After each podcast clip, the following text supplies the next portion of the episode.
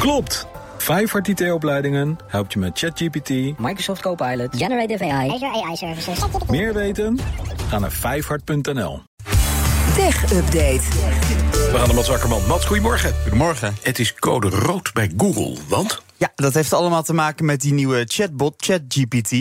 eh, die met artificial intelligence behoorlijk goed werkt. Hè. Je gooit een vraag in en je Ja. krijgt een heel essay. Ja, ik, ik, ik wou dat het bestond toen ik mijn scriptie moest schrijven een paar jaar geleden. Eh, maar goed, eh, ja, die goed werkende chatbot is een reden tot alarm bij Google.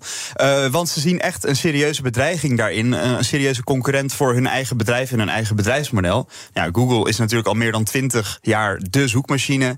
Als je op internet wat nodig hebt, wat doe je dan? Nou, je tikt het even in in Google. Eh, maar deze nieuwe bot kan gewoon wel de manier waarop wij technologie gebruiken, gewoon echt helemaal veranderen. Dat we dat zo'n omslag hè, die je eens in zoveel jaar hebt, dat het helemaal eh, op een andere manier Ja, gaat. En dat we voortaan met zo'n chatbot gaan zoeken. En Google ziet daarin dus een, eh, ja, een bedreiging. Het is een grote vrees voor Google. En een bestuurder zou zelfs hebben gezegd dat het een make or break is voor de toekomst van Google, die chatbot.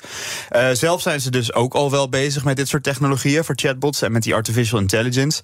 Sterker nog, de techniek achter ChatGPT is gemaakt door onderzoekers van Google. Die Zelf, techniek die oké. daarin zit, ja, En van hunzelf. Ja. Ja, dat is een techniek ge- genaamd Lambda. Als ik het goed zeg, Language Model for Dialogue Application. Nou, dat zit dus in die chat. GPT, maar er is wel een reden dat Google zelf terughoudend is met het gebruiken van die technologie. Mhm. Eh, en dat is na- namelijk het verdienmodel, want zij krijgen natuurlijk hun inkomsten uit reclames. En ja, dat zie je niet zo snel bij een chatbot. Dat ik vraag van ja, wie, eh, wie, wie presenteert eh, de ochtendspits? En dat, dat zo'n chatbot dan zegt: Bas van Werven. Oh, en trouwens, wil je nog eh, een kerstcadeautje kopen op bol.com? Dat, dat zit Dat- er nog niet niet. in. Nee, dus dat- eh, ja, dat daar- kan. ja, en dus ja, nou ja, dat zal misschien wel kunnen, Ja, inderdaad. Maar of je daar dan op zit te wachten, dat weet ik dan maar niet. Nee, niet. Maar Google is dus terughoudend. Maar ze zien nu wel echt, echt een serieuze bedreiging in eh, dit soort diensten. Ja, het zou mooi zijn als je dan inderdaad die scriptie terugziet... en dat je daarin Misschien dat die wel beter staat. was geweest dan wat ik zelf je- had en wil, je, en wil je ook een reis boeken naar het Verre Oosten... dan moet je, ja. De overheid is begonnen met het online zetten van de algoritmes... die ze zelf gebruiken. Ja, dat is onder aanvoering van staatssecretaris Alexandra van Huffelen van Digitalisering. Eh 100 algoritmes, ruim 100 algoritmes zijn in een register gezet. En daardoor kunnen ja, wij, de burgers, kijken wat, wat die algoritmes zijn, hoe ze in elkaar zitten, hoe ze werken. Dus een stap richting transparantie eh, van de overheid. Dus ministeries, gemeentes, die kunnen algoritmes allemaal delen in dat online register. Nou, dat is nu nog niet verplicht. Maar de Tweede Kamer die wil dat wel graag verplichten. En Van Huffelen die wil daar ook werk van gaan maken. En ja, dat snap ik op zich wel een beetje. Want ze weet zelf ook wel wat zo'n algoritme voor schade kan aanrichten. Zij was in het vorige kabinet was zij staatssecretaris van de toeslagen. Ja. Ging ze dus ook over het afhandelen van de toeslagenaffaire. Nou, daar kwamen mensen door algoritmes op van die zwarte lijsten terecht. Zaten ze in één keer in, in een fraude-database. En we, we hadden ze een risicoprofiel zonder dat ze zelf wisten waarom. En zonder dat ze er van af konden komen bij de Belastingdienst. Eh, dus niet heel onlogisch dat ze nu meer transparantie rondom die algoritmes wil. Nou, nu staan er 109 in het register.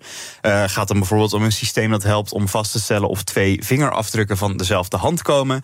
En eh, ze willen het dus gaan verplichten voor al die overheidsinstanties. En dat zal dan in 2024, als het goed is, eh, verplicht zijn. Zit er ook niet een, een gevaarlijke kant aan... door die algoritmes zo vrij te spelen? Dat mensen die daar slechte, slecht van zin zijn... die kunnen met die informatie... ze weten nu hoe de algoritmes werken van de staat. Eh, als je dat koppelt aan, aan gestolen bestanden... kan je Ja, een hele hoop ja, ellende aanrichten. Ja, en we weten dat de staat en ICT is natuurlijk nooit echt Nee, een niet een hele sterke, nee. Ik kan me voorstellen dat een deel van die algoritmes, bijvoorbeeld wat bij een AIVD of bij een MIVD of zo, dat dat, dat dat wel achter gesloten deuren blijft natuurlijk. Maar ook inderdaad wat jij zegt, ze zullen wel bij elk algoritme wat ze online moeten zetten twee keer na moeten denken van Doen we dit? ja, doen we dit en kan dit niet ook weer tegen ons gebruikt worden? Dus eh, ja, er zit, er zit ook een zeker risico in, maar eh, ze gaat voor transparantie in ieder geval. Een van de meest gelezen Britse kranten, The Guardian... zou zijn getroffen door een ransomware-aanval. Ja, eh, dat, eh, sorry, ransomware, sorry. En dat melden ze zelf. Sorry, ook, sorry ik ja, zei ja, sorry, ransomware. Het heet ransomware, ja. Ja, ja, Oh, dom van ransomware. mij. Dat zou, zou een leuke nieuwe vorm van... zou wel eh, mooi zijn, ja. Ja, randomware is ook een soort ja, volledig willekeurige, dat willekeurige, gijs- ja. willekeurige gijzelsoftware. Maar goed, eh, ja, ransomware. IT-incident heeft er plaatsgevonden dus. En ze vermoeden dat het een ransomware-aanval is. Het netwerk ligt plat en een deel van de interne systemen is erdoor getroffen.